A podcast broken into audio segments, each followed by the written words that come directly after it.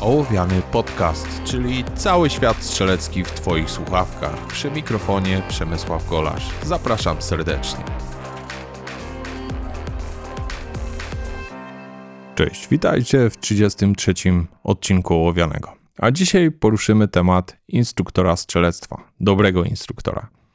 Będzie to odcinek, którym pewnie narażę się wielu osobom, ale przywykłem mówić prawdę i chcę wam ją powiedzieć. Jak wiemy, strzelectwo staje się ostatnio bardzo modne. Z tego względu też wiele legitymacji czerwonych, magicznych książeczek, które przez wiele lat leżały w szufladach, nagle widzi światło dzienne i pojawiają się instruktorzy, którzy szkolą innych. Czy taka czerwona książeczka, wydana przez Ministerstwo Sportu, daje rękojmię tego, że taki instruktor jest fachowcem?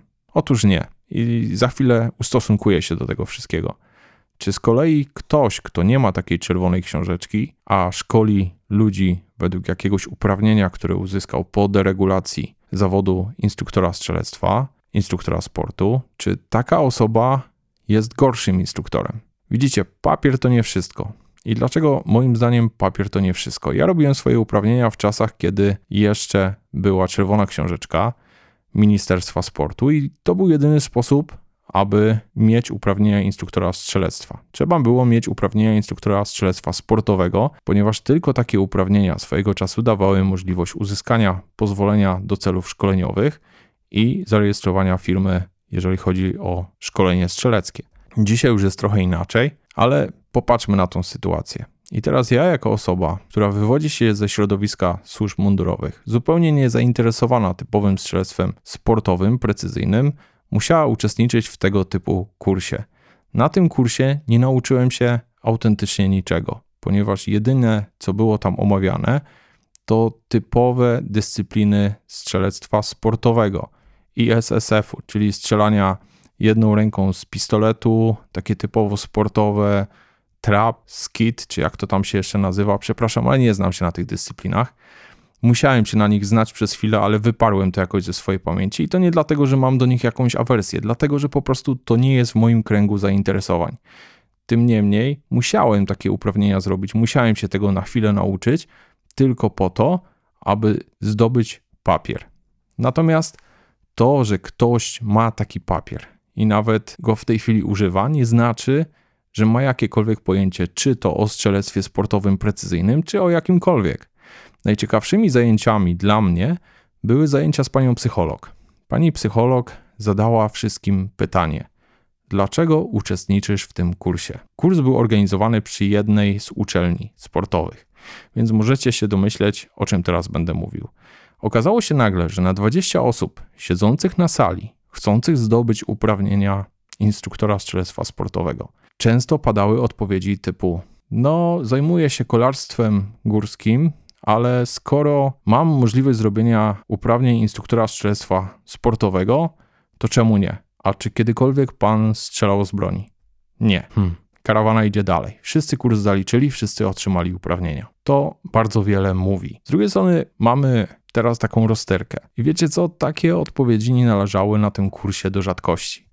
W całym tym multum osób, tych 20 osobach, które uczestniczyły w tym kursie, były dwie osoby wywodzące się ze środowiska służb mundurowych i bodajże jedna albo dwie osoby będące strzelcami sportowymi. Praktycznie pozostali mieli bardzo niewielki albo wręcz żaden kontakt ze strzelectwem, ze strzelaniem, z bronią przed ukończeniem takiego kursu. I teraz powiedzcie mi, jakim instruktorem strzelectwa może być ktoś, kto praktycznie nigdy w ręku nie trzymał broni?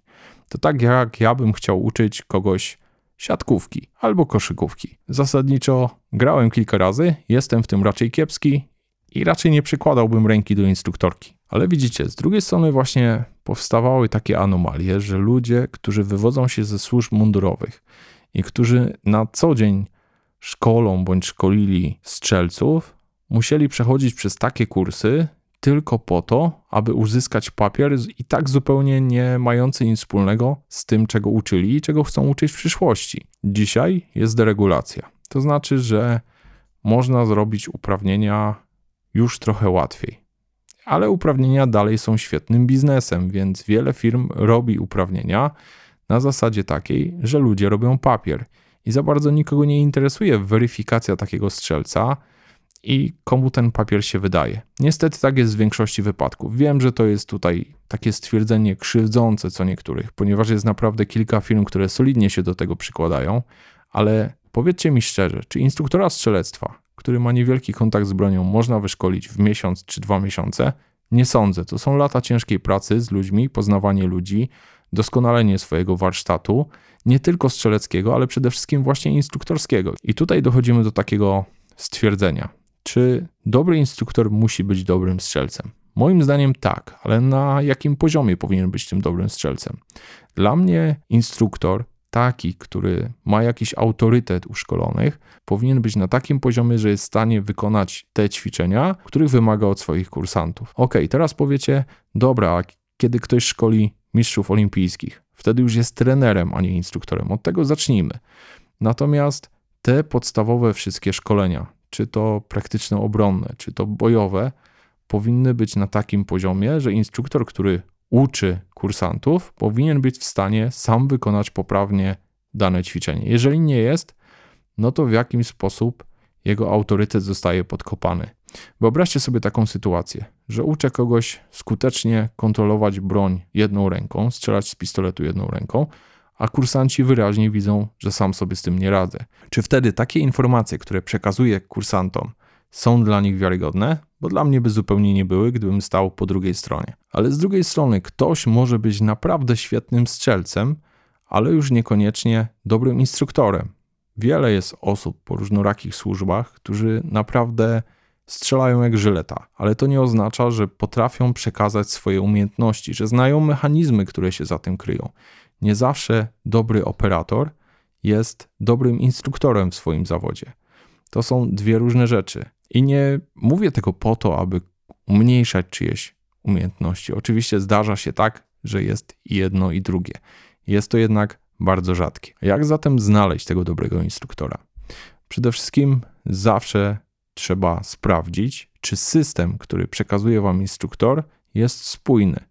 Jeżeli ktoś przekazuje na przykład sześć różnych operacji na zamku, mających za zadanie wykonanie różnych rzeczy, to znaczy, że nie za bardzo ma pojęcie o czym mówi. Tak samo, jeżeli ktoś mówi wam, że jest w stanie was wyszkolić, zrobić z was strzelca na jakimś poziomie w ciągu kilku godzin szkolenia, to też jest raczej nieporozumienie. Ja generalnie od takiego gościa uciekałbym najdalej jak potrafię. Wyszkolenie dobrego strzelca trwa 3 do 5 lat. Oczywiście nawet służby nie mogą sobie pozwolić na tak długi okres samego szkolenia strzeleckiego, ponieważ jest on jedynie wycinkiem wszystkich tych rzeczy, które przyszły operator, przyszły funkcjonariusz, żołnierz i tak dalej, musi umieć.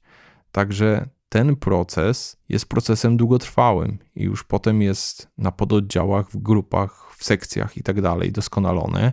Natomiast nabywa się jakieś bazowe umiejętności. I teraz, w zależności od rodzaju służby, o którym mówimy, ten czasookres szkolenia strzeleckiego jest dłuższy bądź krótszy i wypuszczamy takiego gościa o większych lub mniejszych umiejętnościach strzeleckich.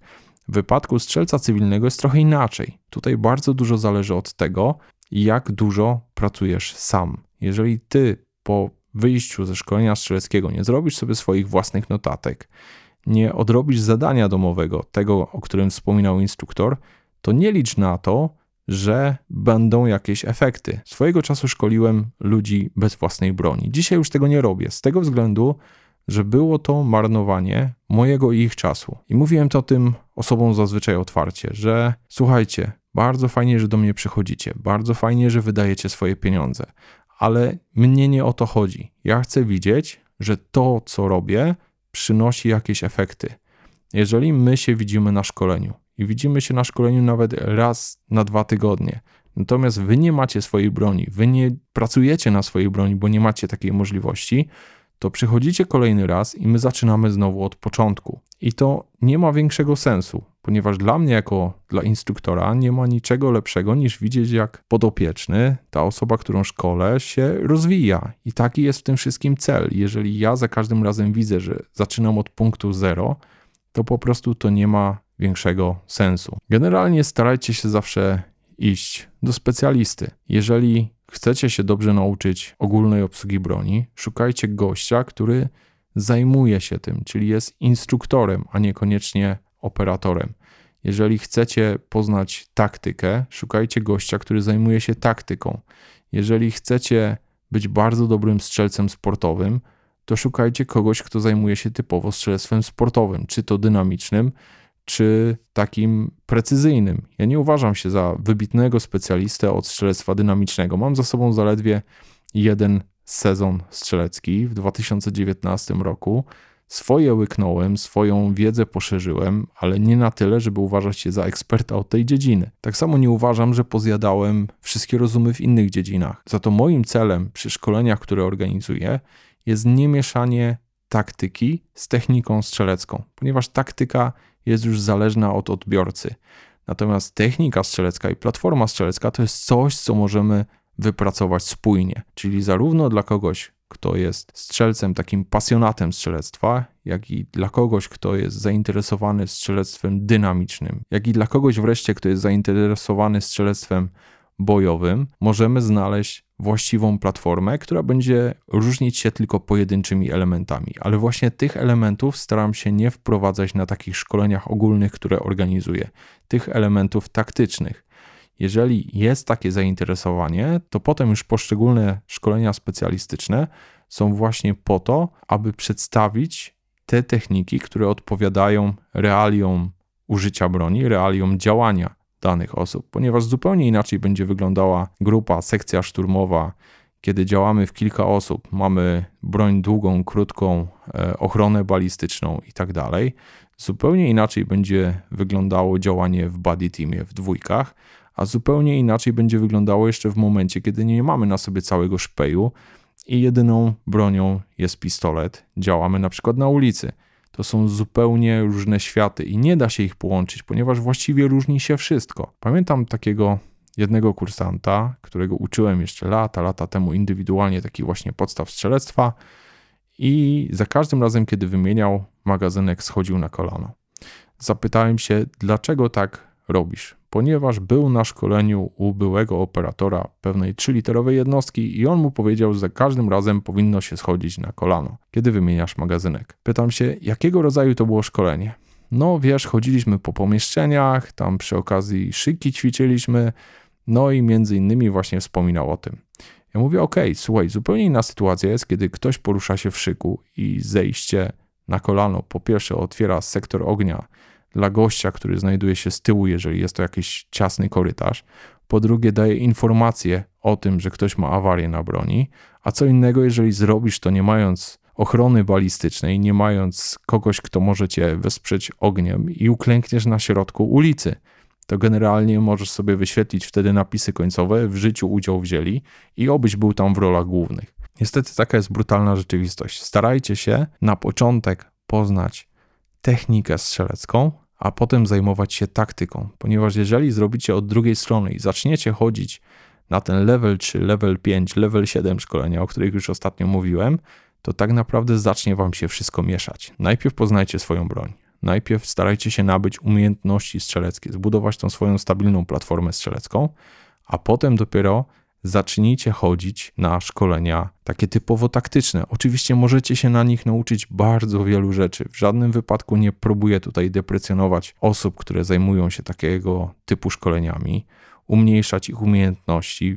Część z nich ma naprawdę ogromne doświadczenie bojowe. Natomiast to trzeba brać przez pryzmat tego, czym ty będziesz się zajmował, czym się zajmujesz i jaki jest twój odpowiedni sposób użycia broni i użycia danej techniki, ponieważ ta technika może być dla ciebie też bardzo wartościowa, ale zdecydowanie trzeba to wszystko filtrować, a nie przysłowiowo łykać jak pelikan. Z czasem nauczysz się po iluś tam szkoleniach, chodząc do kolejnych instruktorów, że nie będziesz już brał całego systemu, ponieważ twój system będzie już w tym momencie ustalony, on już będzie działał. I jedyne, co będziesz robił, to czasem pójdziesz na szkolenie i łykniesz jeden element, który się okaże takim złotem, taką wisienką na torcie, dla której warto było spędzić cały dzień, wystrzelać kilkaset sztuk amunicji, wydać być może nawet tysiąc złotych, ale właśnie ten jeden element będzie tego wart. Dzięki Wam bardzo za uwagę i do usłyszenia w kolejnym odcinku Ołowianego.